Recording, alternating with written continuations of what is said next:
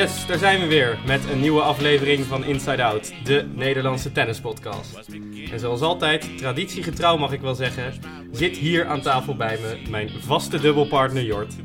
En uh, vertel eens Jort, waar hebben we plaatsgenomen vandaag? Wij hebben plaatsgenomen in Amsterdam. Uh, bij een oud speler, echt, waar zitten we? Ja, we zitten, we zitten Zuid, centrum Zuid uh, Amsterdam. Geboren en getogen is hij hier. Ja, um, jij hebt me net een adres gestuurd en uh, ik ben daar gewoon naartoe gegaan. Dus misschien kun je net even wat beter vertellen waar we precies zitten. Of bij wie we precies zitten. Ja, tuurlijk joh. We zitten uh, ja, bij de zaak van onze gast vandaag. Uh, die heeft de hele dag gewerkt. Trams rijden hier nog op de achtergrond langs. Sterker nog, er rijdt nu een, een mooie Amsterdamse tram vlak langs de voordeur hier. Dus uh, wat achtergrondgeluid kan zomaar een passerende tram zijn. Maar goed, uh, Jort, belangrijke ontwikkelingen vorige week. Uh, ik heb het dan natuurlijk niet over alles wat er in het profcircuit gebeurt. Want daar is het relatief rustig. Maar wel over iets wat een heleboel amateurs bezighoudt. En ja, dan gaat het natuurlijk over de speelsterktes. En ben jij een beetje tevreden over wat er volgend jaar op je pasje staat? Nou, ik zag hem eigenlijk wel aankomen, Tim. ik ben weer vier in mijn dubbel, helaas geen, geen dubbelspecialist. Dat zullen de mensen die mij wel zien spelen, zullen dat uh, wel herkennen. Wel gewoon drie in de single gebleven. Hoe is dat bij jou gegaan, Tim? Ja, ik weet nog dat we hier vorig jaar zaten en dat dat natuurlijk de grap van de eeuw was. Dat ik geen twee meer op mijn pasje had. Maar gelukkig na een goed seizoen staat er volgend jaar weer keurig 2-2 op de pas. Dus ik kan weer op de velden verschijnen. heb ik nog een vraag van je, voor je, Jort van een heel ander kaliber. Zou jij de bespanner van Roger Federer willen zijn? Nou, ik denk als ik iets van Roger Federer zou willen zijn, dat dit misschien wel het minst leuke is. Maar ik denk uh, dat ik dat wel zou willen, ja. Bespan jij eigenlijk je eigen racket? Uh, nee, ik heb dat vroeger wel gedaan, maar ik was op een gegeven moment zo klaar mee dat ik mijn broertjes dat voor me laat doen. Dus zodoende familie en kinderarbeid tegelijkertijd. nou goed, even, om even op dat bespannen terug te komen. Er is dus een kerel die de hele wereld over wordt gevlogen. En vervolgens dus voor iedere wedstrijd voor Federer negen nieuwe stokken bespant. Dus ja, iedere wedstrijd weer. Ik vond het bizar. ik heb het filmpje van de beste man voorbij zien komen. En het schijnt dat niet alleen Roger dat doet, maar ook Novak zo iemand in dienst heeft. Ongekende luxe natuurlijk. Ja, ze kunnen het leiden, hè. Dus dat is een, eh, een hele grote luxe. Nadal heeft het niet? Nou, niet voor zover ik weet, nee. Maar ik, het zou me niks verbazen als... Die heeft natuurlijk zijn hele familie ook mee. Dat hij zo'n soort constructie ja. uh, als jij heeft. Maar goed, ja. over tot de orde van de dag. Um, seizoen is weer voorbij. Waarschijnlijk heeft iedereen op de baan weer allerlei hoogtepunten beleefd. Maar zijn er ook weer verschillende dieptepunten geweest. Uh, ik heb ook jouw racket wel een paar metertjes zien maken dit jaar. Het was niet veel, dat moet ik erbij zeggen. Je gedraagt je meestal keurig. Maar het gaat steeds beter. Het gebeurde nog steeds uh, af en toe. Um, net zoals eigenlijk uh, de meeste anderen dat ook zo hebben ervaren. Kijk, we weten natuurlijk, tennis is af en toe gewoon een hele lastige sport. Met name op mentaal vlak. Um, en vandaag wil ik eigenlijk proberen wat dieper in te gaan op ja, wat nou wat zijn nou eigenlijk de redenen daarvoor? Waarom is tennis soms gewoon zo'n ongelofelijke, ja, om het zo toch maar te zeggen, klote sport? En uh, we denken dat onze gast van vandaag daar ook wel een en ander over kan vertellen. Dus laten we hem, laat mij hem aan jullie introduceren. Want tegenover me uh, heeft hij plaatsgenomen hoor. Dit is de man die officieus wereldkampioen werd bij de junioren door de Orange Bowl te winnen. Die in korte tijd coach is geweest van Brenda Shields McCartney en Jennifer Capriati die in 1988, toen hij net prof was, een challenger won in Porto. En in de finale Michiel Schapers versloeg. Die in datzelfde jaar de toenmalig nummer 1 van de wereld, Ivan Lendl, het behoorlijk moeilijk maken. Um, maar aan de andere kant ook de man wiens profcarrière eigenlijk al eindigde op zijn 23ste levensjaar. En de man die onlangs zijn biografie heeft uitgebracht. Dames en heren, ik heb het over Paul Dogger. Goedenavond. Welkom in de show, ja. uh, Paul. Wat sprong er voor jou uit, deze intro? Ja, ik zit, uh, ik zit te luisteren hoe jullie dat doen. Dat is hartstikke leuk. Ja, die records bespannen, die, uh, die bespannen die meegaat. Maar dat is denk ik wel redelijk logisch. Qua, hè, die gasten laten niks aan toeval over. En eh, eh, ik denk dat ze het inderdaad wel eh, kunnen leiden, een beetje, die, die kosten. Dus ik denk dat ook Nadal, ik weet het niet, maar ik denk dat hij ook wel zorgt dat hij niet elk toernooi een andere bespanner heeft. Hoor. Dus dat, Hoe deed jij dat zelf vroeger? ik had er ook eentje, die reisde alleen niet met me mee. Maar hier in Nederland was er maar één die mijn records bespande. Oh ja? Ja, er was een Amerikaan, ook zo'n echte freak die je er een beetje bij voorstelt, weet je wel. Zo'n man die, die eigenlijk niks had, maar die rekkertjes bespannen, dat, je mocht er niks over zeggen, je mocht helemaal niks. Dat was eh, zijn ding, zijn vak, er mocht niemand iets over zeggen. En, eh, hij reisde heel Nederland door met een camper, kwam hij achter me aan. eh, en er waren altijd die rekkertjes tip-top. Ja, echt waar? Ja. hoe, hoe had je die kerel ontmoet dan? Dus, dus Goh, ja, weet je dat ik dat niet eens meer weet. Het was een Amerikaan en die stotterde heel erg. En eh eh, McQuire heette die, geloof ik. Ik heb hem ook al honderd jaar niet gezien hoor. Maar die eh, weet niet meer hoe ik, weet echt niet meer hoe ik hem ontmoet heb. Ik weet alleen nog wel ik vreselijk gelachen heb altijd met hem. En je moet je voorstellen als een crownsman op zo'n tennispark, weet je wel. Dat zijn ook vaak van die eigenaardige typetjes.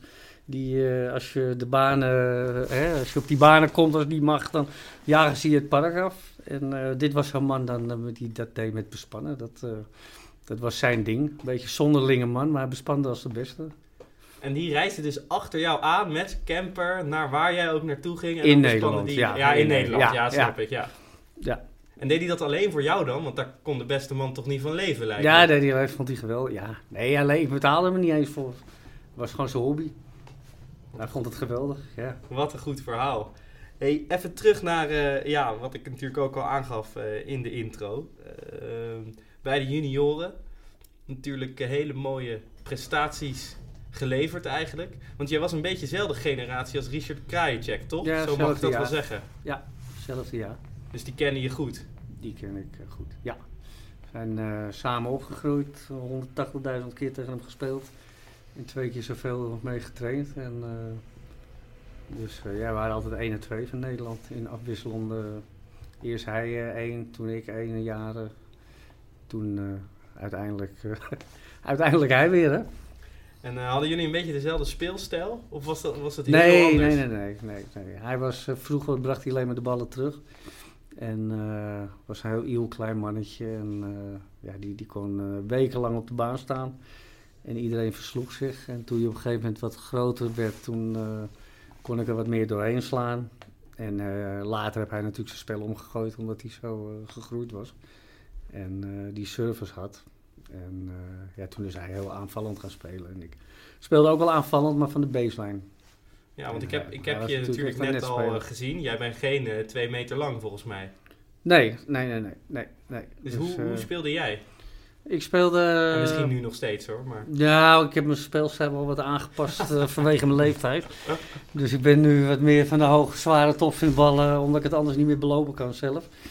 Eh, als ik al überhaupt eh, tennis hoor. Maar eh, ik speelde altijd eh, op eh, heel hoog tempo vanaf de baseline. Dus wel, ik, ik sloeg wel mensen weg op tempo, maar niet, eh, niet met, eh met netten of met mijn service. Gewoon positioneel goed en, eh, en de ballen heel snel nemen. En dat was voor mijn tijd dat jij speelde. Ik heb wel wat Ben ik al zo eh, nee, ik ben nog hartstikke jong, dus eh, Oké. nou, het ligt niet aan jou. Een redelijke counter. Eh, Ja. Maar ik heb wat YouTube-filmpjes gekeken, ook eh, tegen Lendl. En daarin zag ik toch wel dat de dropshot ook wel jouw, eh, jouw ding was. Ja, ja, ja dat, eh, ik kon wel iemand eh, naar achter de, baan uitspelen. en ik, ik hoorde ooit, Stanley Franke zei ooit dat ik de, wat zei hij nou, moest ik zo om lachen, de geometrie van de tennisbaan goed benut, of zoiets. Je stond op de goede plek. Daar kwam het Oftewel, waarschijnlijk ik, op neer. eh, hij zei als mensen tegen jou spelen, dan lijkt de baan zoveel groter. Dus ik, ik kon mensen wel uit positie eh, spelen. En eh, ja, dan kan de dropshot eh, een wapen zijn natuurlijk. Je ziet ons even naar de microfoon kijken. Ja, ik zag dat... eh, hè, we doen het ook eh, pas een jaartje dit. even een, mic- een, een microfoon heeft een voor- en een achterkant. En eh, we hebben even één microfoontje hebben we even getweakt. Er stond er eentje verkeerd om. Maar, ja, ik eh, zag jou kijken. Ik denk We, ja, sorry, ja, ik kan heel boos kijken dan. Maar eh, we zitten nu in de optimale setup, dus eh, we gaan lekker verder. Ehm, klinkt een beetje als, ja, als jij dat zo hoort, Jort. Paul Dogger, Tim van Leeuwen, zelfde speelstijl. Nee, jij slaat zeker in wedstrijden geen dropshots, dus dat absoluut niet. Maar het op hoog tempo van de baseline spelen, dat, eh, nou, dat is inderdaad vergelijkbaar als je het zo, zo vertelt. Had jij ook een matige service, Paul? Ik eh, had een hele matige service. Ik probeerde er wel op. Ik heb er te lang mee lopen kloten. Weet je wel, dat je. eh, de- want die, die wist weer hoe die die eh, service beter kon maken. En er kwam er weer iemand langs en die had ook weer een gouden tip. En tot je op een gegeven moment gewoon door hebt. eh, roeien met de riemen die je hebt en maak het gewoon zo functioneel mogelijk. Als je er geen ezen mee slaat, dat je in ieder geval 80% inslaat. En eh, dat je goed kan plaatsen, zodat je met de tweede bal wat, eh, wat meer kan doen. Wat een ander met, met die service doet, moest ik van mijn tweede bal hebben. Dus eh, ik ben er na een aantal jaar wel wat slimmer mee omgegaan. Dus je won je service games wel, alleen niet... Niet met directe punten vanuit de service. nee, maar ik moest het van die de bal daarna hebben, ja. ja. Dus hoe, hoe, hoe deed je dat dan? Ben ik gewoon Nou ja, het voordeel- slice die je veel? Of was het Nee, veel kick? nee. Of was het... Ja, eh, to, wat heet dat? Top slice. eh, dus, dus kwamen een beetje eh, naar je toe gedraaid. ja. Of van je weggedraaid aan de andere kant. En eh, ja, die bal daarna was ik altijd vliegensvlug bij, weet je wel. Dus in principe had ik wel het initiatief op mijn eigen service games. Alleen ja, vanaf de tweede bal. En het voordeel is dat, hè, dat zag je bij Agassi, dat zag je bij Nadal. Niet dat ik me daarmee vergelijk, hè, maar hetzelfde principe dat die... eh, op latere leeftijd die service pas eh, beter. Hè? Nadal is voor mij het laatste jaar zelfs nog beter gaan serveren. Klopt, ja. En Agassi ook, die had de beste return van de wereld. En die service ging niet echt ergens over. En die kick, nee, maar die kikte die erin. En die bal daarna nam hij zo vlug dat je nog een kans had. Maar later ging hij ook aces slaan. Weet je. wel. Dus ik had ook, eh, mijn return was mijn wapen. Als ik, als ik hem in de buurt had, die bal, als ik mijn racket er tegenaan kreeg, dan kreeg je hem net zo hard terug. En later eh, eh, kwam bij mij niet, zeg maar, dat je die service ook nog krijgt. Maar het heeft niet alleen nadelen. Je kan gewoon eh, een goede return ontwikkelen als je mindere service hebt. En dan is dat eigenlijk ook een wapen. Dus, Ja. Ja, klinkt vrij herkenbaar. Ieder op zijn eigen niveau natuurlijk. Hey, eh, 1988. Misschien toch een beetje, ja, om het toch maar zo te zeggen, jouw hoogtijdagen natuurlijk. Ja, Eh, Toen, eh, de nadruk op dagen. toen, eh, ja, toen won je wel eh, gewoon even een challenger zo tussendoor. Toen stond je geloof ik iets van de 300 van de wereld. Ja, sorry, 400 nog iets. En eh, toen ik hem won, daarna stond ik eh 100 nog iets. Dat was geloof ik, eh ging in één keer 300 plekken omhoog. Kan je die week nog goed herinneren? Ja, ja, ja, ja. Dat was wel leuk. Ik had, eh, ik had drie ronden kwalie gespeeld. Oh, dus je Eh, echt vanuit de kwalificatie ook ja. erin gekomen. Drie ronden kwalie. En, Gevlogen in je eh, eentje of eh, gereden? Nee, nee, nee. Ik ben erheen gevlogen. En eh, Stanley Franke was mee. En eh, nou ja, toen kom je in het hoofdtoernooi. En, eh, en ik had... eh, Stanley had zo'n eh spijkerjackie aan. eh, een heel mooi spijkerjackie. En daar zat ik de hele tijd om te zeuren. Dus hij zei op een gegeven moment... Hij zei, als je het toernooi wint, mag je dat jackie hebben. en dat was nog voor de eerste ronde. En, eh, en toen won ik de eerste ronde. En eh, toen... eh, toen had hij gezegd, als je het toernooi wint, dan neem ik je volgende week mee naar de Davis Cup. Anders had ik naar huis gegaan. En nou ja, toen won de tweede ronde. En kwartfinale moest ik tegen een... tweede ronde won ik ook van een... hoe heette die nou? Ja, gozer, oud top 10 speler. En die Purpitch. Die had een eh, knieblessure gehad en die kwam terug. Maar dat was een gravel-speler en een oude top 10 speler. En dit was ook Dus, op die, ja, dus die, daar won ik van en dat, eh, eh, dat was echt een goede overwinning. En toen stond ik kwart tegen Nuno Marques en dat was de nummer 1 van Portugal. Ook een top 100 speler en, en dat was zijn clubje ook. Dus eh, wat Popeye Colstra voor mij was, dat was die club voor hem. En toen stond ik tegen, ja, was kwartfinale. Ja. En toen eh, ja, vlogen de spuugklodders om mijn oren als ik sfeer. Dat je staat te sfeer en hoor je... En dan, en dan vloog dat echt om je oren. En, eh, Oh ja, op een tennisbaan? Ja, en eh, we hadden er bovenop een zo'n centercourt waar je echt het publiek op drie meter afstand eh, had. En hoe was jij toen? Heel, eh, heel nou, ik was, eh, want ik herkende wat jullie net bij de intro zeiden wel. Ik heb mijn jaren, laat ik het zo zeggen, als ik alle boetes in mijn leven nu terug zou krijgen, had ik niet in de schuldsanering gezeten, weet je wel. Dan, dan had ik, eh, maar die periode had ik net een beetje ontdekt hoe het moest. Dus ik heb me heel, heel, heel rustig gehouden. Met heel veel moeite hoor, dat wel. En toen had ik hem gewonnen, 7-5, 7-6. En toen ben ik een eerder ronde gaan lopen. Had ik mijn record neergelegd. Zo'n rondje om de baan gelopen met mijn handen omhoog. Toen ben ik vreselijk uitgefloten door het hele publiek. Ja, echt ja, joh? Ja, woe, woe, weet je wel. eh, ja. Dus dat was mijn, even mijn gram gehaald. En eh, ja, uiteindelijk speelde ik de finale voor de toernooioverwinning. Voor 10.000 gulden verschil tussen winnen of verliezen. Eh, een gouden scheepje die ik later voor 30.000 gulden verkocht heb. eh, was ook een extra prijs. En een, en een plaats in de Davis Cup. En tegen Michiel Schapers. En een spijkerjackie, eh, Paul. En dat Jackie, weet je. Dus er stond heel wat op spel in de, in de finale. En eh, ja, dat vind ik het leukste, weet je wel. Was je zenuwachtig? Nee, dat ben ik nooit. Nee. Dat ben ik één keer in mijn hele leven geweest. Één setje. Maar voor de rest heb ik er niet veel last van. Welk setje? Hè? In Ede, het jaar na Lendel, speelde ik, eh, toen was ik bezig. Ik was ziek geweest, heel erg natuurlijk. Een jaar eh, ellende of een half jaar. En, eh, en, eh, en ik hoorde, de mensen wisten, weet je, je hoort in de wandelgangen een beetje wat mensen zeggen. En dan hoor je, oh kijk, doggen, dropshotjes. En die hadden die wedstrijd van Lendel nog voor de geest, weet je. En, eh, ik was nooit zenuwachtig, eh, omdat ik wist dat ik het kon brengen. Ik wist ook dat het niet kon. Maar ik wist ook dat het wel kon. Dus dat was ik niet zei als het niet lukte, nee, houd het op. Maar die dag wist ik dat ik sowieso, wat er ook al speelde ik op mijn allerbest, niet kon brengen wat die mensen het jaar ervoor gezien hadden. Dat kon op dat moment niet. En, eh, dus een beetje van tevoren al dat je niet aan de verwachtingen voldoet. En, eh, en toen was ik even zenuwachtig. Vloog het record uit mijn hand bij mijn eerste service van de zenuwen. Dat helpt ook niet. Echt waar? Voor 3000 man publiek, weet je wel. Dus dat voelt ook niet. Dat helpt niet eh, om je snel over je zenuwen te helpen. Dus toen verloor ik 6-0 van Cancelotti. Dus nummer 25 van de wereld. En, en toen won ik de eerste game, tweede set, geloof ik. En toen was het weg. Toen won ik de hele wedstrijd ook nog. Maar ik heb dat ene setje nooit vergeten. Ik denk als, ik al, als je dat altijd hebt, dan moet je, sto- weet je wel. Ja. Dat eh, mensen wel vaak zenuwachtig zijn bij wedstrijden. Toen dacht ik, nou, als ik dat zou hebben, meer dan één set in mijn leven. Dan had ik al lang gestopt, dat trek ik niet. Je hebt toen toch ook nog tegen McEnroe gespeeld? Ja, die ronde daarna. Ja, ja. ja. Ja. Ja. Hoe was dat? dat was leuk. Weet je wel, kansloos, maar wel leuk. Gewoon, eh, ik stond, alhoewel, ik stond een break voor, volgens mij in de tweede. Maar eh, nog, weet je, die verloor ik 6-3. Maar hij kreeg een eh, waarschuwing en een penalty point. Dat hij een bal naar een fotograaf sloeg. Eh, want ik had wat vrienden die zaten precies achter hem. En die zaten hem een beetje te jennen. En hij verloor zijn service gelijk, weet je wel. Dus de tweede set. Dus ja, als je iemand die je altijd op tv ziet... met zijn racket smijten, nee, je weet het wel, weet je, legendarisch.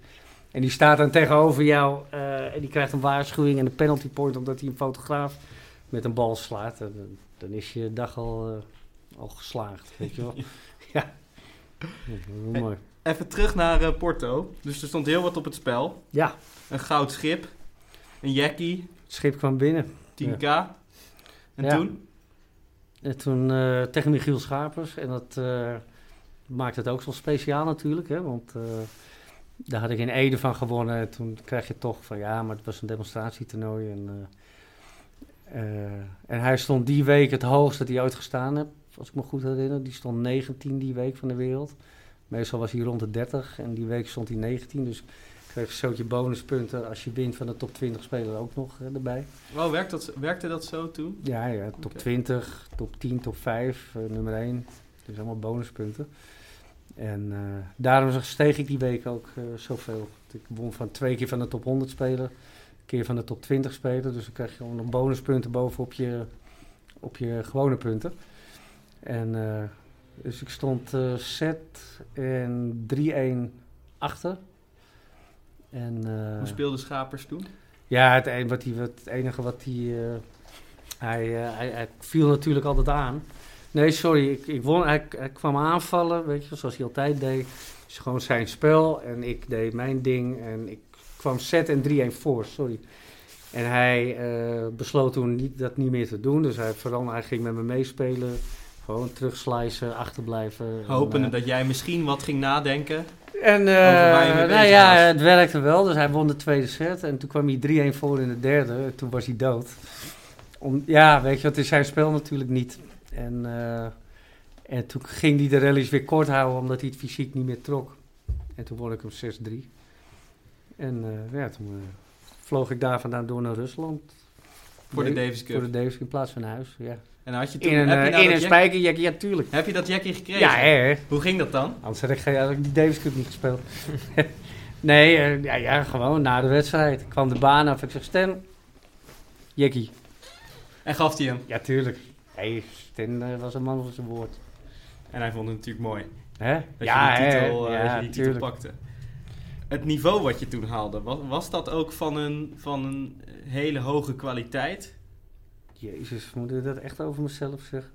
Ja, dat mag hier. Ja, maar ik bedoel, Nou wat, ja, wat ik eh, bedoel is, was het, haalde je een soort buitenaards niveau die week? Was er iets bijzonders? Of was je gewoon goed in Nee, vorm, nee, speelde je goed en dit was is gewoon eh, ja, nou, op dat moment was, was dat mijn niveau. Alleen of je een toernooi wint of een wedstrijd wint, is natuurlijk niet... eh, eh, je moet af en toe even een gelukje hebben. eh, het moet ook wel meezitten, weet je wel. Het is niet van als je je niveau haalt dat je het maar wint. Maar ja, die week zat het ook gewoon lekker mee, weet je wel. En, en op een gegeven moment krijg je wel gaandeweg zo'n toernooi het gevoel van ja, een soort onoverwinnelijkheid, weet je wel. Je groeit wel in een toernooi altijd, Ja. weet je, dat is... eh, maar eh, ja, zo speelde ik eigenlijk in Ede ook die paar maanden ervoor. En dit was een echt toernooi en, eh, de- en hier kwam je Lendl niet tegen, weet je wel. Die het, Ja, nee, die het voor je verpest in de kwart.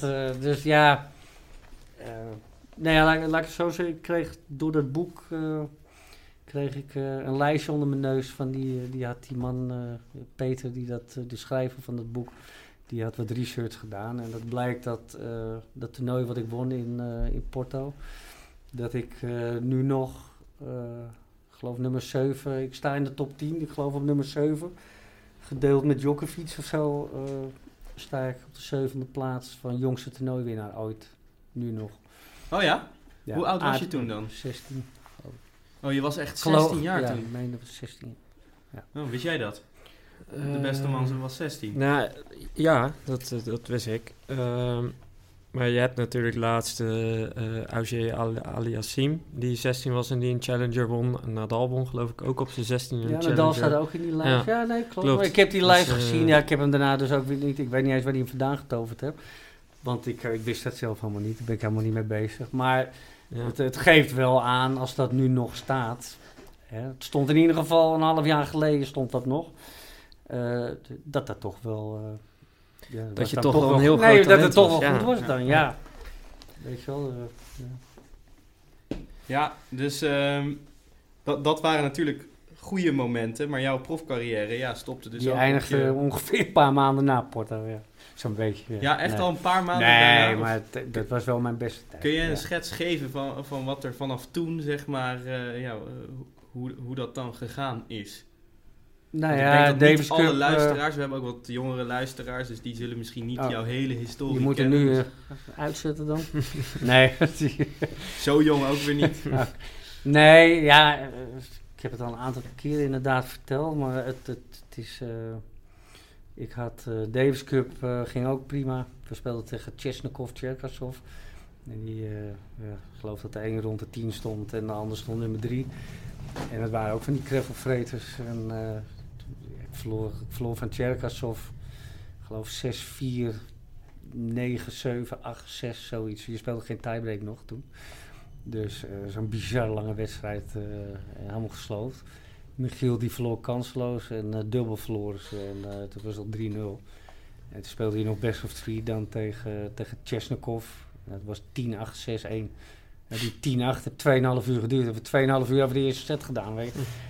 Dat soort eh, echt Bizar. tennis op, op absoluut eh, sloopniveau, weet je wel. Echt, eh, en, eh, dus dat ging nog goed. Eigenlijk dat jaar, dat jaar verder weet, weet ik niet helemaal meer. Maar dat, daar was allemaal alles nog goed. In 89 ben ik gewoon het hele jaar ziek geweest.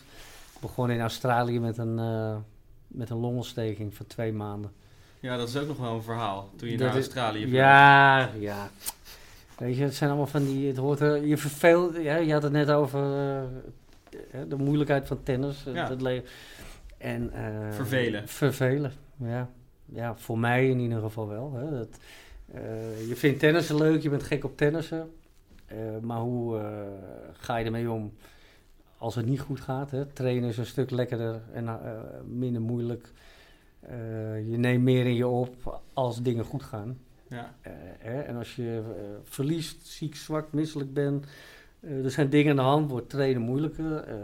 De verveling is, is bijna aangenaam als alles goed gaat, weet je wel. gaat het niet goed, dan lijkt die verveling, dan lijkt twee dagen in een, in een klote land ergens, het lijkt wel twee jaar te duren. Dus je, en Paul Dogger pakte niet even lekker een boek of zo? Nee, nee, nee. Toen waren er nog niet van die goede boeken uit die er nu uit zijn. nee.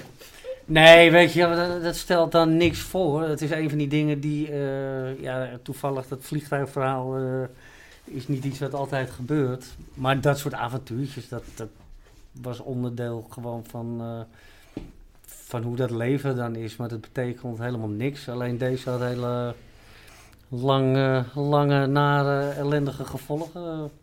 Een dame, gewoon tijdens een lange vlucht, ook echt puur uit verveling. En dat eindigde dan uh, met een avontuurtje op de wc. En die vertelde me, die was uh, ruim twee keer zo oud. En die vertelde me over dat ze de pil niet slikte. En, en weet je, ik was wat dat betreft, terugkijkend, echt een jong knaapje nog.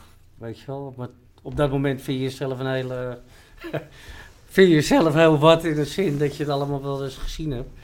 Maar ja, als je dan zo'n eh, volwassen vrouw tegen je zegt dat ze niet in een pil is en uh, allerlei verhalen over seksfeesten met haar ex-man, dan, dan schrik je je de pokken, weet je wel. Dus ik, uh, ik was, ja, ik dacht echt vijf minuten daarna dat ik, dat ik aids had. Want ik, ik, kwam aan met longontsteking. En het enige wat je van aids toen de tijd nog wist, is dat het met longontsteking het gepaard gaat en en uh, vlekken in je gezicht, nou die had ik nog niet, maar daar heb ik, heb ik wel een jaar op gecheckt, elke, elke dag. En ik zat een beetje in een uh, catch-22. Ik denk als ik niet goed speel, of als ik, als ik succesvoller word, dus ik word bekend in het buitenland ook, dan staat er op een gegeven moment een dame voor de stoep die, met een kind. Want die zie je nooit meer Behalve als je beroemd wordt en geld verdient, dan zal ze wel op de stoep staan. Dus ik denk, ik kan niet gaan winnen. Want dan heb ik een probleem. Uh, maar als ik niet ga winnen en, uh, en ik ga verliezen, dan ben ik mijn leven zoals ik het ken kwijt. Dus ik durfde eigenlijk niet meer te presteren. Ik was continu bang dat ik ziek was. Bang dat ik vader zou worden. En ik heb het met niemand erover gehad ook. Dus ik ik heb in de stress geleefd. En die, uh, ja, weet je, als jij acht uur per dag aan het trainen bent. En echt op het randje, we trainen echt hard. En je reist van werelddeel naar werelddeel. Dan kun je het niet permitteren om, om met de stress in je lijf rond te gaan. Het, het is te zwaar leven. Als je niet helemaal gezond bent, dan krijg je blessures, ziektes, dat soort dingen. Had, en bij elke ontsteking die ik kreeg, die heel logisch was, want ik was kapot. Weet je wel, ik sliep er niet van. En uh, ik trainde mijn ongeluk. Ik zat op maandag in New York en op uh, woensdag in Tokio. En, en, met tijdverschil, je traint. En, uh, en als je dan niet slaapt van de paniek en de zorgen en de ellende in je hoofd. Dan kun je wachten op ontstekingen. Maar als er dan een ontsteking kwam, dacht ik, zie je wel. Dus ik ging aan alle kanten, ging het helemaal mis. en erop terugkijken, dan denk je, wat een belachelijke toestand. Maar toen de tijd was dat heel echt voor mij, weet je wel. Dus ik was een jaar kwijt. Kwam er dan niet een moment, want ik, op een gegeven moment, ja, weet je, tijd zou dat ook wel een beetje kunnen helen. Dat, ja, nee, dat is ook zo, maar dat, dan, dan, hebben we het wel over, uh, toen ik ruimschoots over die negen maanden was. Dat ik dacht, nou weet je wat, ik heb nog geen vlek in mijn gezicht. En, en niks meer gehoord? Ik heb nog geen ik heb nog geen uh, baby in een mandje voor mijn deur liggen. Dus het zal allemaal wel loslopen. Maar ondertussen ben je een jaar verder. En je tegenstanders die trainen wel gewoon door. Dus je verliest in feite twee jaar. En het allerbelangrijkste is je ranking. Kijk, nu werkt het. Ik weet niet hoe het vandaag werkt. Het laatste wat ik ervan eh, begrepen heb, is dat je een beschermde ranking hebt als je geblesseerd raakt. Nee, dus als je 50 van de wereld bent en je, je raakt geblesseerd, al duurt het anderhalf jaar, dan kom je als nummer 50 van de wereld, mag je een x aantal toernooien uh, enteren. Ja, dat was laatst nog een mooi verhaal. Dat uh, een zekere dame was geblesseerd geraakt. Die had nog een beschermde ranking. En die stond 90 of zo. Dus die kon nog net direct uh, een van de Grand Slams in dit jaar. Die had inmiddels al ja, niet meer, ja, zal ik maar zeggen, de fysieke conditie van iemand zoals je het zou hm. verwachten op de Tour. En die heeft zich toen ingeschreven voor Grand Slam. Eerste ronde kansloos verloren. Het zag er niet uit. Uh, om dan wel die zak geld uh, mee te nemen. Maar uh, daar was gelukkig een regeltje voor. Als jij je niet goed genoeg kunt profileren als een echte prof op de baan, kunnen ze je, je geld afpakken. En dat is ook gebeurd. Ja, ze doen dat ook wel eens met... Uh, met, hoe zag dat eruit dan? Met opgaves. Ja, nee, ja, nee, ja, doen ze dat ook wel eens. Ik, ik, kijk, we hebben allemaal een breedbeeldtelevisie, maar er was toch wel iets meer aan de hand daar. Oh, echt waar? ja. Ja, maar het gebeurt steeds vaker ook met opgaves en uh, spelers die een wedstrijd tanken. ja, dat vind ik wat anders, ja. weet je wel. Dan, ja, uh, nee, maar om te beoordelen of iemand serieus... Ja, vond het heftig. Dat is... Uh, want dan zeg je eigenlijk, je kan geen prof zijn, want je bent te dik. Daar komt daar het, komt wel het eigenlijk neer. op neer. Ja, ja, ja, Kijk, als iemand die wedstrijd weggeeft, kun je zeggen, overduidelijk weggegeven. Ja, dit was... Maar het is moeilijk om te zeggen, dan pak je je geld af, want je bent te dik. ja. Dat... Nee, maar goed, die beschermde ranking bestond toen nog niet. Dus ik ging uh, gewoon in een jaar van uh, 100 nog wat naar 800 nog wat. En uh, ja, dan moet je weer opnieuw terugkomen. Dus, dus buiten je eigen jaar dat je kwijt bent en het jaar dat je tegenstanders doorgaan, eh, zit je ook nog met een ranking. Waardoor je van, van het Hyatt in Australië weer naar een kippenhok in Tsjechië gaat. Weet je, dan maakt het dubbels. De eerste keer was het zwaar om door die satellites te komen. En Hè, daar wil je in en zo snel mogelijk uit. Maar als je er eenmaal uit bent en je, je hebt gewoon de, het goede, de goede kant van tennis gehad, om er dan weer terug in te gaan, is, dan maakt het nog moeilijker om er weer uit te komen. Dus, ja. Hè, om, uh, ja, een van de dingen die, die we ook ja, hier neer hadden gezet is, ja, welke rol speelt geld in de ontwikkeling van een talent? Ja, aan de ene kant heb je misschien wat nodig. Aan de andere kant, jij verdiende het ook op hele jonge leeftijd. Ja, ik weet vanwege mijn vaders ziekte, ja, ik weet het niet precies, want, maar ik weet wel dat ze, mijn ouders uh, hadden natuurlijk geen financiën. Mijn vader had geen inkomen en uh, mijn moeder zorgde voor mijn vader. Dus die trainingen die, en, en, die hadden nooit betaald kunnen worden zonder dat er her en der geholpen is, weet je wel. Dus ehm, je zult wel behoorlijk wat moeten investeren, het zij met een sponsor, het zij ouders, om, om een kind eenmaal uh, ja, toch op die, uh, als, ja. als prof te krijgen. Het kost een hoop geld. Ik verdiende het godzijdank vroeg weer terug. Ja. Maar... door je contract met Adidas, toch? Onder andere gewoon door, ja, als je op een gegeven moment veel wint, pak je ook je prijzengeld en... Want hoe, hoe werkte dat? Je had Kijk, als jij een ticket, als jij een ticket koopt, hè, je gaat naar, naar, naar, weet ik veel, naar Lissabon voor de Challenger. Dan betaal je je ticket, je betaalt je hotel, uh, je kosten. Ja, als je dan de eerste ronde verliest, je krijgt een envelop met, uh, met 200 dollar of, of minder, dan heb je die week een hoop geld verloren. Ja, doe je dat tien weken achter elkaar en je bent duizenden, duizenden euro's verder en je hebt daar niks tegenover staan, dat, kun je niet heel lang volhouden als je het geld niet hebt.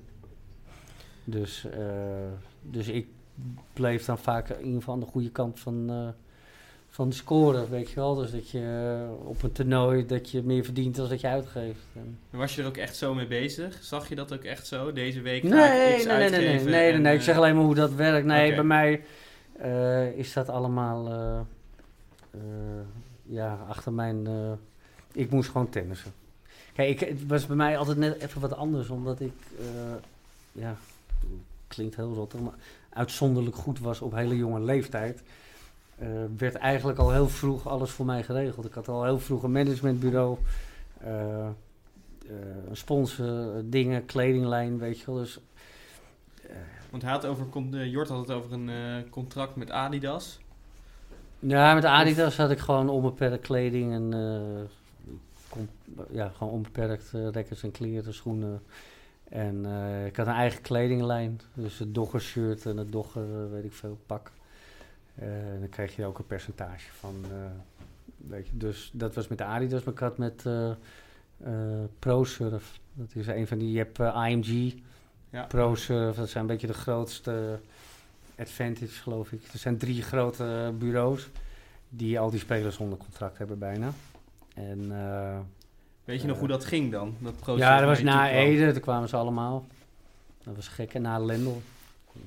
Diezelfde dag. En Jij was 16 of zo. ja, toch? ze bellen je plat en je krijgt eh, reisjes aangeboden. Ik kom even naar Parijs en eh, ik heb een appartement in New York. En dan kom je gezellig een weekje langs en dan gaan we even wat babbelen. En op een gegeven moment ga je kijken bij welke van de drie de, de beste aanbieding, maar ook waar je een beetje goed gevoel mee hebt. En bij ProSurf was het een Amerikaan, Ken Myerson. En eh, die nam me mee naar Parijs. En eh, ik kon goed met die man vinden. En eh, dus heb ik eigenlijk niet verder gekeken. Toen ben ik eigenlijk bij, hem getekend. En waar teken en je dan voor? hij over... ik, ik bedoel, in, in, in wat voor termijn en wat, hoe, hoe... Het was een driejarig contract. En ik meen... Eerste jaar 85.000 dollar gegarandeerd. Tweede jaar 95 en derde jaar 105.000, zoiets. En dan eh, krijgen hun een percentage. Dus zij proberen dat eh, bedrag voor jou eh, te verdienen. Hè, door contracten, door demonstratiewedstrijden, door weet ik veel. En als jij dat jaar minder dan 85.000 verdient, dan leggen hun de rest bij. Zij Dus zorgen- kunnen je, je inkomen het is een garanderen. een gegarandeerde inkomen. Ja. Het.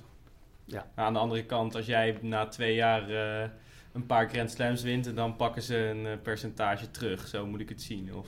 Ja, eh, wel, wel eerder. Kijk, zij gokken, ik bedoel, het is hetzelfde met voetballers.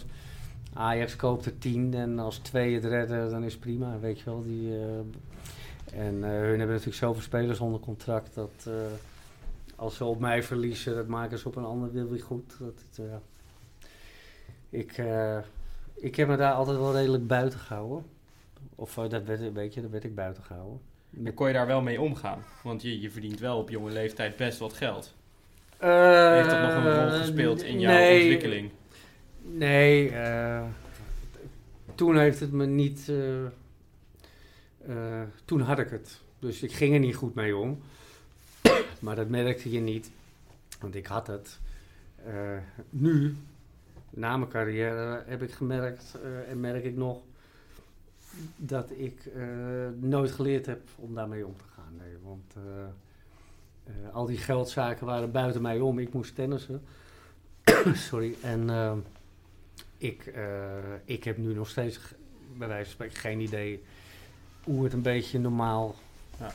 Ik bedoel, ik heb inmiddels wel een idee, maar ik, ik, heb wel wat problemen gehad om, eh, omdat ik nooit enig zicht op die financiën heb gehad. Vind je dat achteraf wel terecht? Dat je er toen geen zicht op had? Of had je, heb je zoiets van, nou ja, had Nou ja, ik ik me maar zelf wel- laten regelen? Of- Ik begrijp wel dat als je tennis, eh, eh, dat, dat er veel geregeld moet worden voor je, want je, je hebt te veel aan je hoofd. Maar met terugwerkende kracht had ik toch wel heel blij geweest als men mij enig eh, beheer van geld, eh, hoe dat werkt, eh, de waarde van geld überhaupt, een beetje had bijgebracht. Ja, want eh, Ik ben gewoon benieuwd hoe dat dan vroeger werkte. Want had je, je had wel een bankrekening en die liep gewoon op en je kon wat uitgeven? Of was iemand heel streng al die financiën aan het beheren en kreeg je Nee, zakgeld? Of hoe moet ik dat voor Nee, me nee, nee, nee. Mijn geld was mijn geld. Dus ik had gewoon een bankrekening en ja.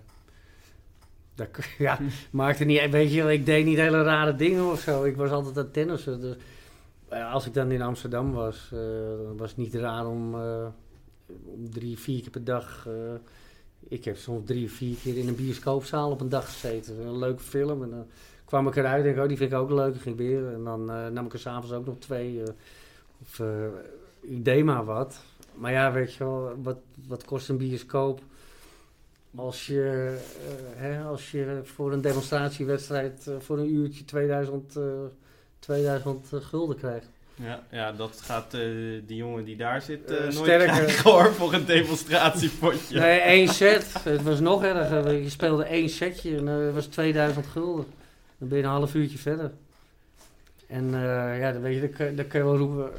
Het is belachelijk om vier keer per dag naar de bioscoop te gaan. Maar, maar wat doet het er op dat moment toe? Je, je denkt niet van, oh jee, eh, ik ga vier keer naar de bioscoop, is dat wel verstandig? Twee dagen later ga je weer naar het buitenland en dan ben je weer met je tennis bezig. En eh, ja, wat ik al zeg, eh, weet je wel, competitie. Dan speel je zes zondagen, wat is het, zeven? Eh 30, 40.000 gulden. Dat zijn van die belachelijke bedragen. Ja, dat is een hoop geld. Dat weet je wel, als jij dan besluit, ik ga, ik, ik ga een dagje weg of ik ga een paar keer naar de film, dan is Ja. dat, ja, weet je wel. Dus- Dus je leert eh, werkelijk helemaal niet de waarde van, eh, van geld. En als je het hebt, is dat niet zo heel erg. Maar als je het niet meer hebt, want dat patroon van uitgaven heb ik eh, heel lang volgehouden, ook toen ik het niet meer had, weet je wel. En, ja, alles wat ik deed kwam altijd wel weer goed. Want ik had het geld op de rekening, dus of ik iets raars deed, maakte niet uit. Maar ja, op een gegeven moment, eh, weet je wel, Ja, als je die demonstratiepotjes niet meer speelt. als ik nu competitie speel, mag ik blij zijn als ik twee vlammetjes en een bitterbal krijg. Voor die schaal leeg is. En eerst kreeg ik 6000 per dag, weet je wel. Dus Ja. dat, ja, Is wel een verschilletje. daar zit verschil tussen. Ja. Toen had je dus die, die, die slechte jaren. En is het toen nog gelukt op een gegeven moment? Of heb je toen nog wel echt het gevoel gehad van ik kom nu terug? Eh, heel even. Ik was echt op een gegeven moment, dacht, had ik het min of meer opgegeven. En toen, eh, eh, want ik kreeg een eh, liesbreuk. Toen alles achter de rug was, die ontstekingen, ellende, heb ik me langzaam opgeklauterd naar rond de 200. En toen kreeg ik een liesbreuk. En toen had ik, want de liesbreuk hier nu is geloof ik 10 dagen, maar toen was het 6 maanden. Toen sneden ze nog in je buikspier iets open. En, eh, nou ja, dan kon, Ja, je- nee, je kon niet hardlopen, je kon niet kracht trainen, je kon niet tennis, je kon helemaal niks. Eh, en toen zonk de moed mee in mijn schoenen, weet je. Toen lag ik in het ziekenhuis. Ik denk, dan moet ik weer terugkomen voor de zoveelste keer. En, eh, en toen op een of andere manier in het ziekenhuis heb ik de geest gekregen om toch er weer voor te gaan. En toen had ik ook echt een doel. Er was, eh, ik speelde competitie en, en toen wou ik klaar zijn om tegen Elting, die week dat ik tegen Elting moest, om er dan weer te staan. En, en toen, eh, toen heb ik met de pokken getraind. Ging verbazingwekkend goed eigenlijk. Op de training won ik, eh was eredivisie, eh won ik van mijn teamgenoten makkelijk. En ik voelde me goed, had er zin in.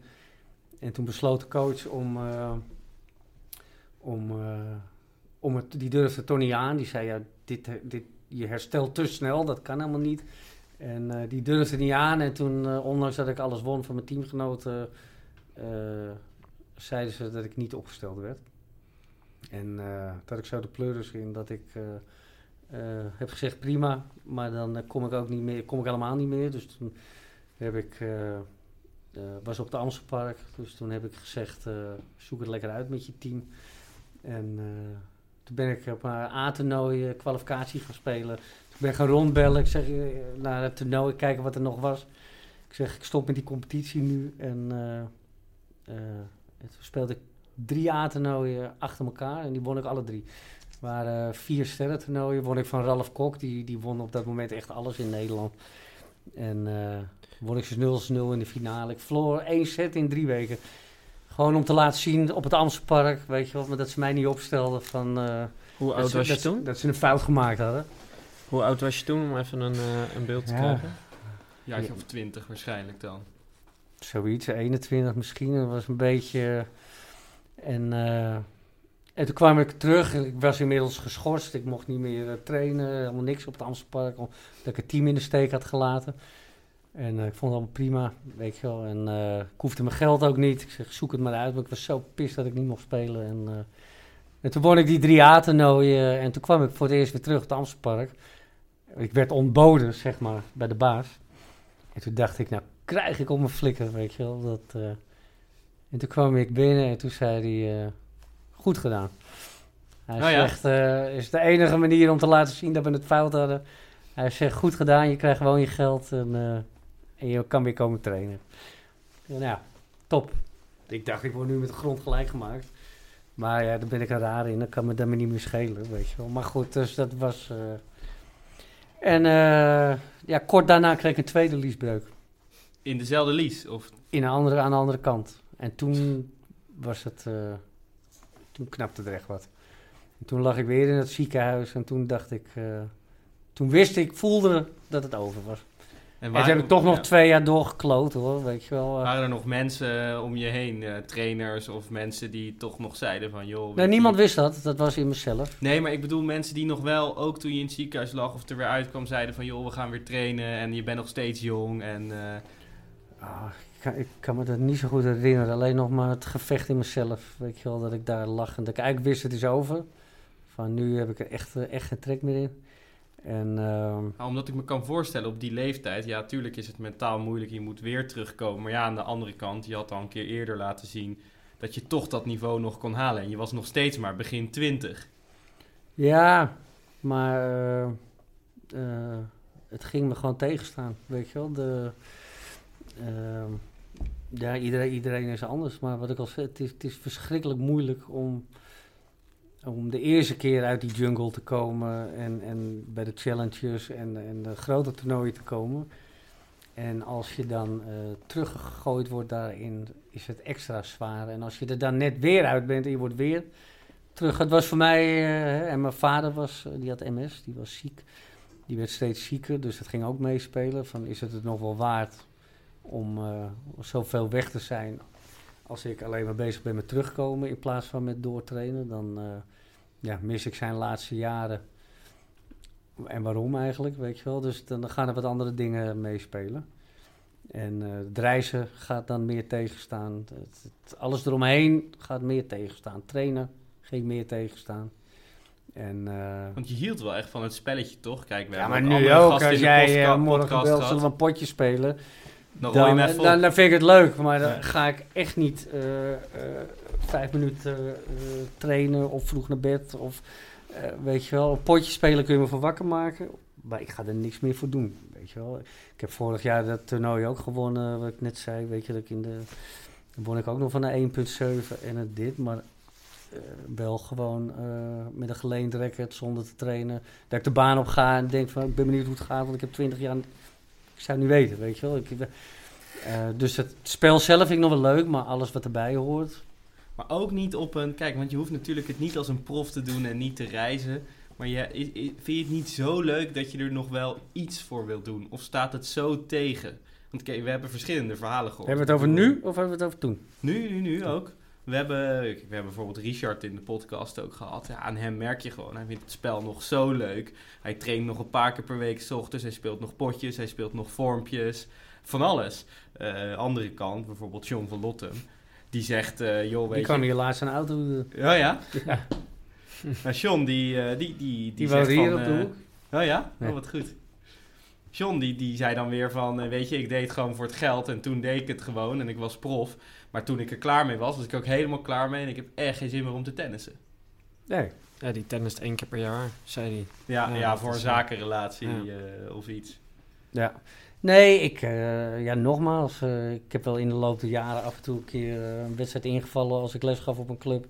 En ze hadden iemand nodig dat je een potje invalt, maar dan zeg ik ook, ik wil best enkele, maar eh, niet dubbelen. En ik blijf, Waarom ook, niet ik blijf ook niet naar de rest van het team kijken de hele dag.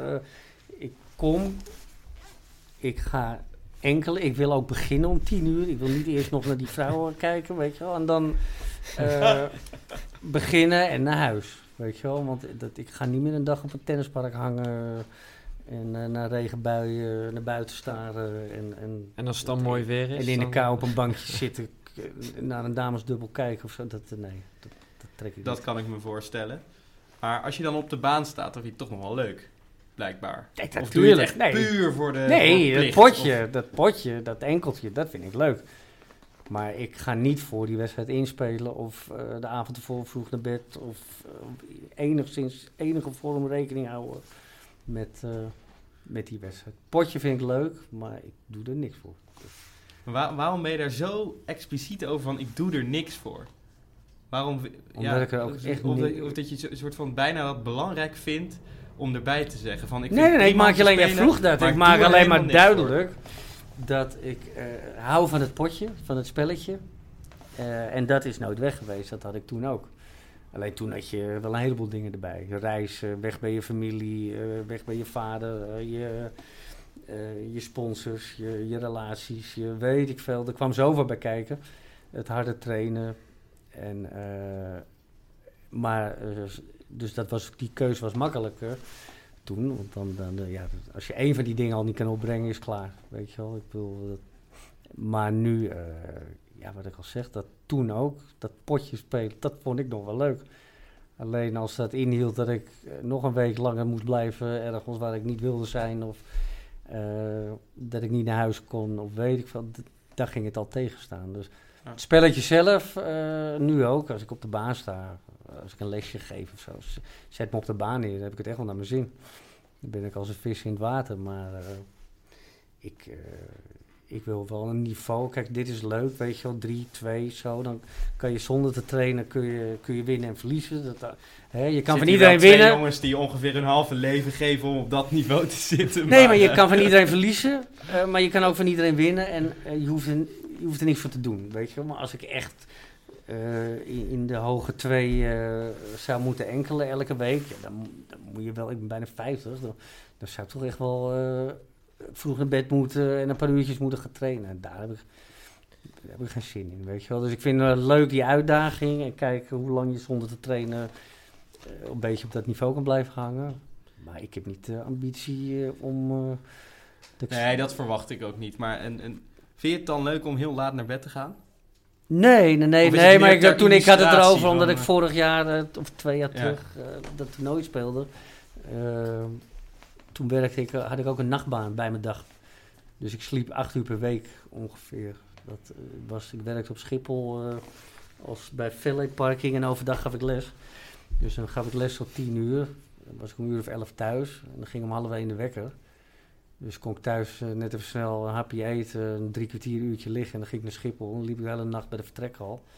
En dan was het een uur of eh, elf. En dan ging ik naar huis, douchen. Met een heel veel geluk een uurtje slapen. En dan ging ik de hele dag lesgeven. Nou, als En, ik eh, wat minder dan acht uur slaap per nacht, dan per week. ik al niet te genieten. Dat was per week. Ja, per week Ja. voor jou, maar per nacht voor mij. En, maar dat was tijdelijk hoor, daar ben ik mee gestopt, want dat, dat, ging niet meer. Maar dat toernooi viel ja, daar hoef precies... je ook niet voor gestudeerd te Dat, hebben om te eh, bedenken dat nee. dat niet gaat. Maar dat toernooi viel toevallig toen ik eh, dat ritme had. Dus ik had werkelijk nul slaap, eh, weet je wel. Dus. Maar dan is het dus niet zo van ik doe die week even minder werken, want ik heb een toernooi of zo. Nee, dat, dat begrijp ik. dat, bedoel, dat bedoel ik. En eh, wat ik denk is, wat helpt en waarom die sport ook lastig is, is de relatie voor een talent en een coach. Of begeleiding in ieder geval. Eh, het is natuurlijk een lastig iets dat bij tennis, je betaalt eigenlijk een coach, dus je betaalt iemand die jou op je flikker geeft. Maar ja, als die je heel veel op je flikker geeft, dan eh, zeg je van, eh, daar heb ik geen zin meer in. Dan ga ik je ook niet meer betalen. Ja, maar je, dan heb je het nu over de jongens die een privécoach kunnen betalen. Dus dat, Als dat het zijn kan, de, ja. hè, dus op eh, de- waar ik toen eh, tegenaan zat, weet je, dat challenge niveau, daar ging Stanley mee vanuit de bond. Ik zat toen in Jong Oranje, Eh, maar Stanley werd betaald door de bond. En of de bond stuurde namens de bond iemand mee. Ja. Dus die werd niet door mij betaald nog. Dat, dat werkt, denk En- ik. Dat En dan werken. hoop je wel zo van, ik hoop dat die meegaat, die reis. Of ik hoop dat die meegaat. Je had wel je voorkeuren voor wie er dan meeging. Maar eh, ik was nog niet eh, zo als die jongens nu één op één met... eh, kijk, als Haas, staat hij nu 120. Als, als hij dat als hoogste ranking zou hebben... en hij had nog niet hoger gestaan al die jaren... als je 120 van de wereld staat, kun je ook geen privécoach meenemen. Dus zul je er eentje moeten gaan delen. Of een coach die het voor wat minder doet. Maar anders is dat nog niet te betalen, weet je wel. De, dus die, eh, die luxe heb ik eigenlijk nog niet gehad dat ik er één op één eh, coach moest uitzoeken en betalen. Maar ja, het blijft altijd lastig. Met de ene coach heb je een betere, had ik een betere werking dan met, eh, met de andere. En jij werd dus wel gesupport vanuit de bond eigenlijk die hele periode. Ja, het grootste deel wel. En Stanley heeft... eh, ik ben er ook wel uitgegooid hoor. Want ik, eh, ik heb ook heel lang eh, me misdragen op de baan. En eh, Achteraf terecht dat ze je er dan uitgooien. ja, ik was echt erg hoor. Ja. Wat deed Nee, je dan ik kan met... eh, ik, eh, ja, ik, ik heb echt ziektes eh, uitgevonden die, die, niet, die niet bestonden, weet je wel. En, eh, en ja, Gooien, Oh smijten. man, ik heb een drama-wedstrijden gehad. Nou, ik schaam me kapot als ik eraan denk. Wat is het ergste dan wat in je opkomt? Nou, dat zijn er twee. En eh, eh, dat, dat houdt niet in dat die andere dan eh, minder erg zijn, maar deze twee waren wel heel erg. Ehm, ik heb één keer de, kijken, het was dat de Europese kampioenschappen tot en met 16 in Frankrijk. Toen verloor ik halve finale. En, en toen moest ik derde en vierde plaats spelen. En dat, dat, weet je wel, ik gaf nooit, je kan veel over mij zeggen, maar ik was echt een knokker. En eh, nu ook, weet je wel, ik ga liever eh, dood. Eh, vorig jaar dat toernooitje ook. De laatste twee halve finale, finale was gewoon fysiek erg ongezond. Kon niet meer, kon niet meer zitten bij de wissel, alles, weet je wel. Maar ik ga liever dood dan dat ik ze verlies. Maar derde vierde plaats, dat is... dat- weet je, je verliest en lig je eruit, klaar, weet je wel. En het moest ik derde, vierde plaats. En de voorzitter van de tennisbond was toen Ruud de Boer. Ruud de, Boer. Was dus ja, buiten de bondscoach de belangrijkste man in Nederland op tennisgebied.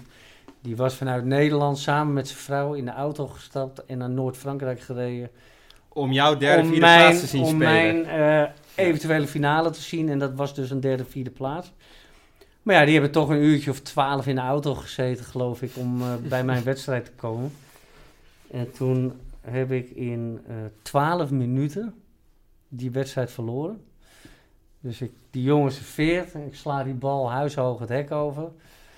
En die jongen serveert nog een keer, ik sla hem onder in het net, sla hem nog een keer het hek over. Vier keer achter elkaar, 1-0 binnen twee seconden. En, en toen riep ik ook nog zoiets van, zo, nog elf, weet je wel. en zo ging het ook, dus pat, tap, tap, tap, dubbel fout, dubbel fout, dubbel fout, dubbel fout. En, eh, en klaar. Ondertussen wel ook gewoon vloeken, record gooien, terwijl je het expres weggeeft. Het sloeg echt helemaal Het was echt Ja. schandalig. Echt, Ja, daar is niks het positiefs was, nee, het eh, was, het over was echt, zeggen. echt schandalig. En die mensen zaten daar eh, twaalf minuten naar mijn wedstrijd te kijken. Terwijl ze twaalf uur in de auto hadden gezeten. en weer terug moesten. en dat was de belangrijkste man voor tennis. En toen drong dat tot mij door toen ik de laatste bal gemist had. Dan opeens besef je, dit is niet slim geweest, weet je wel. Want daar komt een schorsing of eh er komt wat nadigheid uit. En, eh, en toen zat ik mijn eh, zonde te overpijnsen zo op het bankje. En toen keek ik op en toen stond er een of andere griet met een fototoestel voor mijn neus foto's te maken. En die schold ik in het Nederlands helemaal verrot. Van, Ja, van, weet je, wat een slecht moment om foto's te maken. maar dan op een wat stevigere manier, ja. En dat bleek een Nederlandse vrouw te zijn. Die eh, door de tennismagazine gestuurd was om foto's te maken van mij. dus de tennismagazine eh, mevrouw die had, eh, Ook wat aan de broek. die had van alles aan de broek. De voorzitter van de bond die had 12 uur voor Joker in de auto gezeten. En die moest nog terug. Dus dat was niet zo'n succes. En dan, eh, En toen ben je eruit gegooid? Of, eh, toen ben ik geschorst, mocht ik niet naar de US Open. Ja. hmm. Mocht ik voor het eerst naar de US Open, maar dat ging niet door. Ja. En een andere keer eh, was op de nationale senioren. Toen ik, eh, had ik mijn trainer, mijn manager en de grote baas van Adidas, meneer Lagarde. Dat was de baas van Adidas. En toen eh, stond ik vreselijk misdragen en toen brak ik alle vier mijn Adidas records doormidden. Voor de ogen van de grootste baas van Adidas. Waardoor ik, toen hield ik die records voor mijn ogen en riep, wat zijn dat een kutrecords. Weet je, nou, dus kortom, dat was niet slim. En toen heeft Jacco Elting me nog een record geleend om die wedstrijd uit te spelen. Dus dat zijn wel echt... eh, Ja, dan, maar dan, dan is er natuurlijk wat meer aan de hand. dus dat heb ik op, eh, na heel veel inspanningen is dat uiteindelijk helemaal goed gekomen. Daarna was ik ook van onbesproken gedrag. Maar dat, er zijn er wel jaren aan vooraf gegaan dat dat eh, niet best was. Hoe kwamen we hier ook weer op? Geen idee eigenlijk. eh, Mooie verhaal, hè? Ja. Ja, we- Ja, ja. ja. ik, dus, dus over die begeleiding. Ja. da- daar begon het uiteindelijk mee. Eh, jij werd begeleid vanuit de bond, tot het op een gegeven moment dus eh, ophield. Ja. Als je beter was begeleid, had het dan anders kunnen lopen, denk je? Nee, nee, nee, nee. nee. Dit was een Nee. probleem van jezelf. Ja. Of tenminste ook niet een probleem, maar ook pech.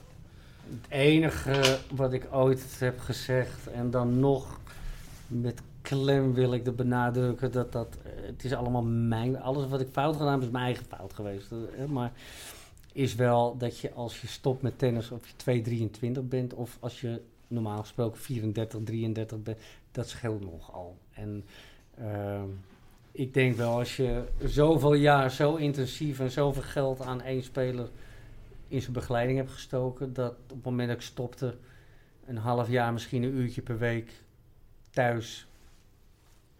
Wat begeleiding in het oppikken van het leven na tennis. Dat iemand even één, twee keer in de week een uurtje met je zit zegt eh, Een beetje nazorg. van, Ja. eh, weet je, hoe, hoe, hoe doe je dat met je huis in orde houden? Hoe doe je dat met je postrekeningen? eh, budget maken, nou je geen inkomen meer hebt. Weet je wel, eh, dat, dat stukje, eh, eh, dat ontbrak. En dat stond ik toen niet bij stil.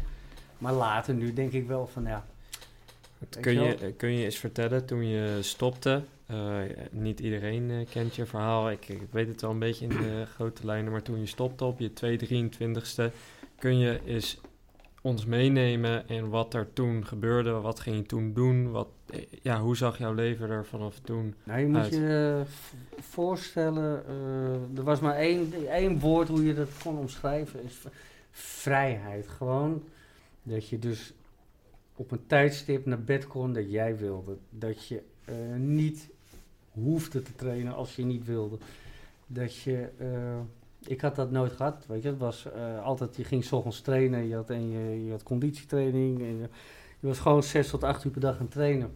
En je kwam thuis en je, ja, je kon niet laat naar bed. eh, dat, dat wilde je ook niet eens. Maar ik heb wel altijd, ook met competitie, dan sta jij voor je geld daar serieus eredivisie te spelen.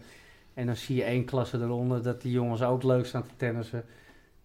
Maar dat die ook gezellig eh, een drankje met elkaar drinken. En s'avonds met het team lekker op stap gaan. Eh, Gewoon al die dingen die jij als proftennisser nooit eh, hebt.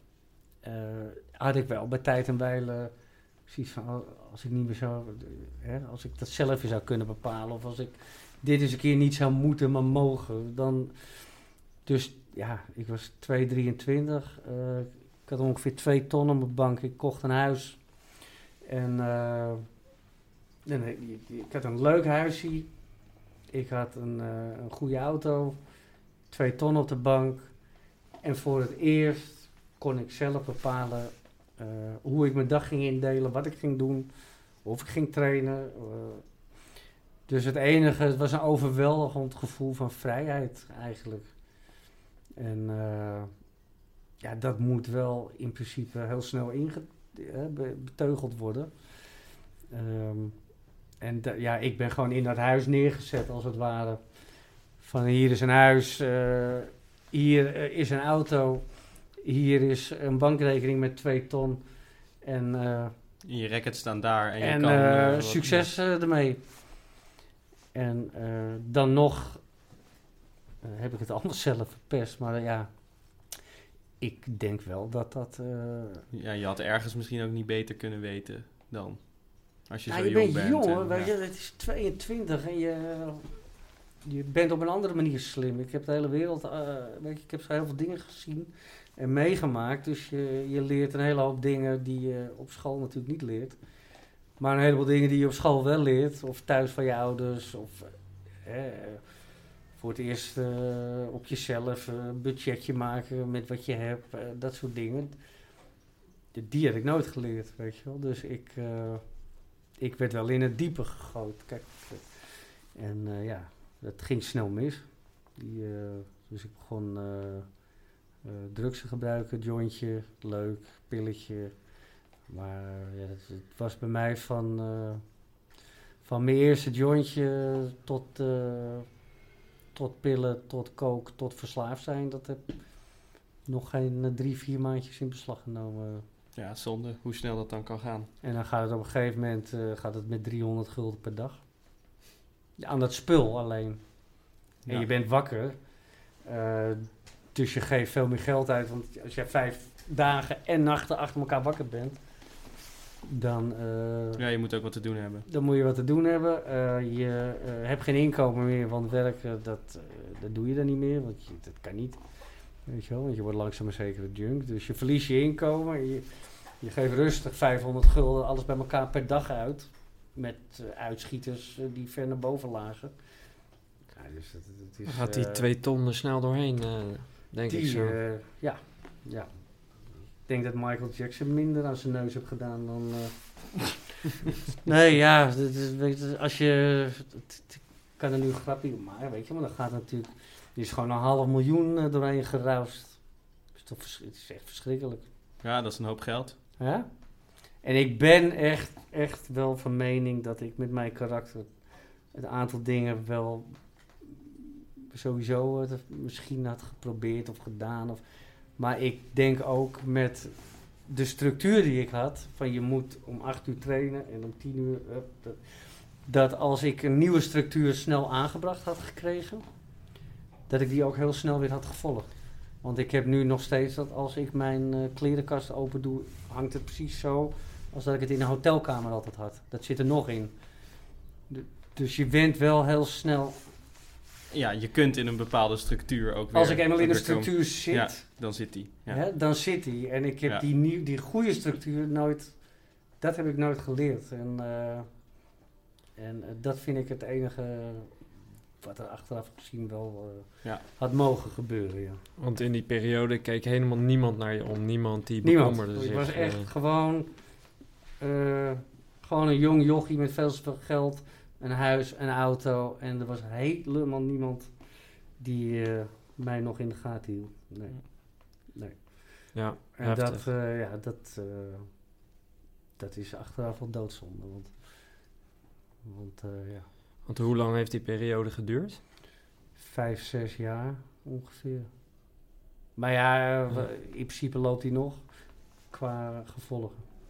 Ja. Dus wat ik toen op een vlekje begonnen ben, 100 levens geleden, daar heb ik vandaag nog last van. En ik denk dat, eh, dat nogmaals met eh, één, twee keer in de week een uurtje zitten, een paar maandjes, even tot ik mijn nieuwe structuur gevonden had, dat dat het wel had kunnen voorkomen. Ja. Dus zonder dat ik iemand de schuld geef. Hè, want, eh, Nee, ja, dat is natuurlijk Maar- makkelijk te pareren door te zeggen... Maar dat kon je zelf toen niet beseffen. Van, hé, had je zelf niet op een gegeven moment zoiets... Misschien moet ik het toch met iemand erover hebben. Nou ja, op het moment dat je door hebt dat het misgaat, is het, is Is, het, het te laat. Ja, Is precies. het te laat. Ik weet nog de eerste keer dat ik, eh, dat ik reed, om, de- toen dacht ik nou, eh, eh, vanavond niet, weet je wel. Dat ik echt dacht, nou, ik ben, wel, ik ben net zat. Dat ik er een aantal maanden op zitten en ik was zat. En toen reed ik s'avonds erheen en toen was ik er bijna en toen dacht ik, hè, ik zei toch vanda vanavond niet. En dat was het moment dat ik besefte, shit, weet je wel. eh, Ja, dat heb je niet meer onder controle. ik heb het niet meer onder controle. En, eh, Ja. en als dat besef er is, nou ja, dat, dan, dan is het te laat. Goed, en eh, toen, begin dit jaar, is er iemand naar je toegekomen die zegt... Paul, dat verhaal van jou, dat moet eens op papier voor de feestdagen. Ja, voor de feestdagen zeiden ze er nog niet bij. Oké. Maar ja, ik werd benaderd of, of, eh, voor, eh, ja, eh, of ze mijn autobiografie mochten schrijven.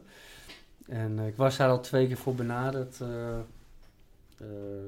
jaren geleden. En dat is nooit echt serieus van de grond gekomen. En, dus ik had het eigenlijk al. het was ook niet mijn idee, dat toen ook niet.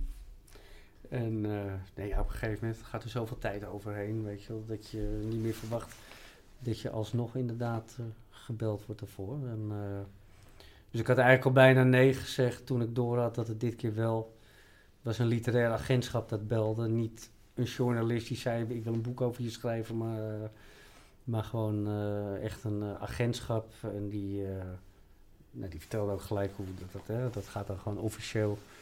Dus toen wist ik dat dit keer serieus was. En toen dacht ik, nou laat ik nog één keer dan kijken of dat wat wordt. En, nou, dus- En nu ligt hij dus in En de nou schappen. en ik moet eh, zeggen, paar weken geleden is hij uitgekomen, of vorige week zelfs. Hè? Dus eh, ja, de autobiografie heet eh, Paul Dogger. Het tennistalent dat ten onder ging aan botte pech, drugs en zichzelf. Zo is het getiteld. Als ik het goed heb. ja. Eh, Ja. ben je tevreden? Met de titel of het boek? Met het boek, ja, ja de titel, ach ja. Ah ja. Eh, ja, heel tevreden. Ik moet zeggen, e- echt, dat, ik zeg het nu al makkelijk. Twee weken terug vond ik het nog moeilijker. Maar hij heeft het echt dusdanig opgeschreven dat het ten eerste... eh, hè, hij heeft het niet van A tot Z opgeschreven, van beginnen hier en het daar. Maar dat gaat de hele tijd eh, van verleden naar heden. En, eh, dus je wordt continu eigenlijk, blijf je lezen. Dat is ook de reactie die ik het meest gehoord heb. Je leest hem echt in één of twee keer uit. En je, je, je voelt echt, als ik het zelf ook lees, terwijl het echt lijkt of het over iemand anders gaat, zo lang is het gevoelsmatig geleden. Eh, ik voel bijna, weet je, als ik het lees, voel ik weer dat ik ergens daar sta of daar loop, wat er dan beschreven wordt. Dus eh, hij heeft het echt opgeschreven dat je ook wel echt eh, het bij het kan voelen. Weet je wel, dus het, het is wel een mooie, ja, toch een aangrijpend boek geworden. Nou, mooi. Ik denk dat dat ook ja, het begin is van het, eh, van het einde van deze aflevering van Inside Out. Ik denk, eh, we hebben natuurlijk een aantal onderwerpen besproken wat die sport soms lastig en soms hard maakt. Eh, in volgende afleveringen gaan we ook eh, eh, ja, naar de oplossingen kijken hè? en naar eh, de manieren waarop je mentaal met het spelletje om kunt gaan. Ik ben benieuwd wie je gast wordt dan. Ja, we hebben daar wat mensen voor. eh, ja, voor het, mensen die de oplossing hebben? op het lijstje staan. Ja, mensen die zich eh, flink bezighouden met, eh, met het mentale aspect van het spel. Ehm, Zijn het ook tennissers? dat zijn tennissers of ex-tennissers. Ja, zeker weten. Oké, Dus helemaal goed. ehm, Ben benieuwd. ja, dat is een beetje een, een cliffhanger. Eh, natuurlijk, eh, voor de luisteraars van Inside Out denk ik dat deze podcast ook een kleine teaser heeft gegeven naar het eh, boek over Paul. Eh, die is gewoon overal te koop waar je het eh, zou willen. Dus dat eh, raden we zelf natuurlijk ook van harte aan. Ja, want het, ja, het leest weg als een, als een trein. Zoals Paul het zelf heeft gezegd. Gaan wij lekker afronden. Paul, onwijs leuk dat je ons hier wilde ontvangen in Amsterdam. Dat gevoel bekruipt me ook weer nu er weer zo'n mooie blauw-witte tram van de GVB voorbij rijdt. Ik hoop dat je er zelf ook van genoten hebt. Ja, Natuurlijk nog, leuk, eh, nog één vraag die wij altijd stellen aan onze gasten. Nu komt die. Wie zou jij nog wel eens in de podcast willen horen? Eh, jeetje, ja, ik weet niet wie er al geweest is eigenlijk. Eh, ehm, Nou, weet je, als jij een dubbele noemt, eh, je hoeft ze niet allemaal te kennen. We hebben inmiddels een aflevering of 15 eh, gehad. Dus er is ook wel een kans dat we hem- hem of haar al hebben gehad. Maar ik ben toch benieuwd wie er op jouw lijstje zouden staan. Sander Groen, Die hebben we nog niet gesproken. Die hebben we zeker nog niet gesproken. hele interessante jongen. Wat maakt het interessant? Eh, heel, heel getalenteerd was hij. Eh, en eh, eh, niet saai, apart en moeilijk te doorgronden. Hè, qua, Dat proberen we wel altijd in de podcast. ja, mens, veel mensen. Eh, ja, een beetje eh, de mysterieuze. Veel mensen hebben het over hem. Terwijl hij feitelijk. eh, nog geen 5% uit zijn talent heeft gehaald. En, en niet heel beroemd was. En toch in de tenniswereld kennen heel veel mensen Sander Groen. En, is op zich wel apart. Mensen kennen normaal alleen iemand die. jarenlang in de top gespeeld heeft of dingen gewonnen heeft. En Sander heeft eigenlijk geen van allen. En toch in de tenniswereld eh, is hij heel bekend. En dat is op zich opmerkelijk. Leuke suggestie. Ehm, Ja, het liefst hoor ik Richard, maar voor mij heb je die al gehad. Ja, Richard hebben we al Ja. gehad. Eh, natuurlijk eh, is het helemaal niet erg dat de gast nog een keer voorbij komt. Dus dat kan zomaar weer gebeuren op het moment dat het straks weer februari is en het uh, APN AMRO WTT er weer aankomt. Dat is een goed idee. Hou Richard en mij samen. Ja, zou dat goed zijn? Hè? Oké, nou dan gaan we... Ja, die houden we in gedachten. Daar gaan we ons best voor doen. Uh, voor nu bedank ik ook weer de luisteraars natuurlijk van de Inside Out Tennis Podcast. Alle ideeën, opmerkingen of mensen die het boek van uh, Paul hebben gekocht. Laat het ons even weten. Stuur het onze kant op. Waarderen we. En uh, tot de volgende keer. Goedjes.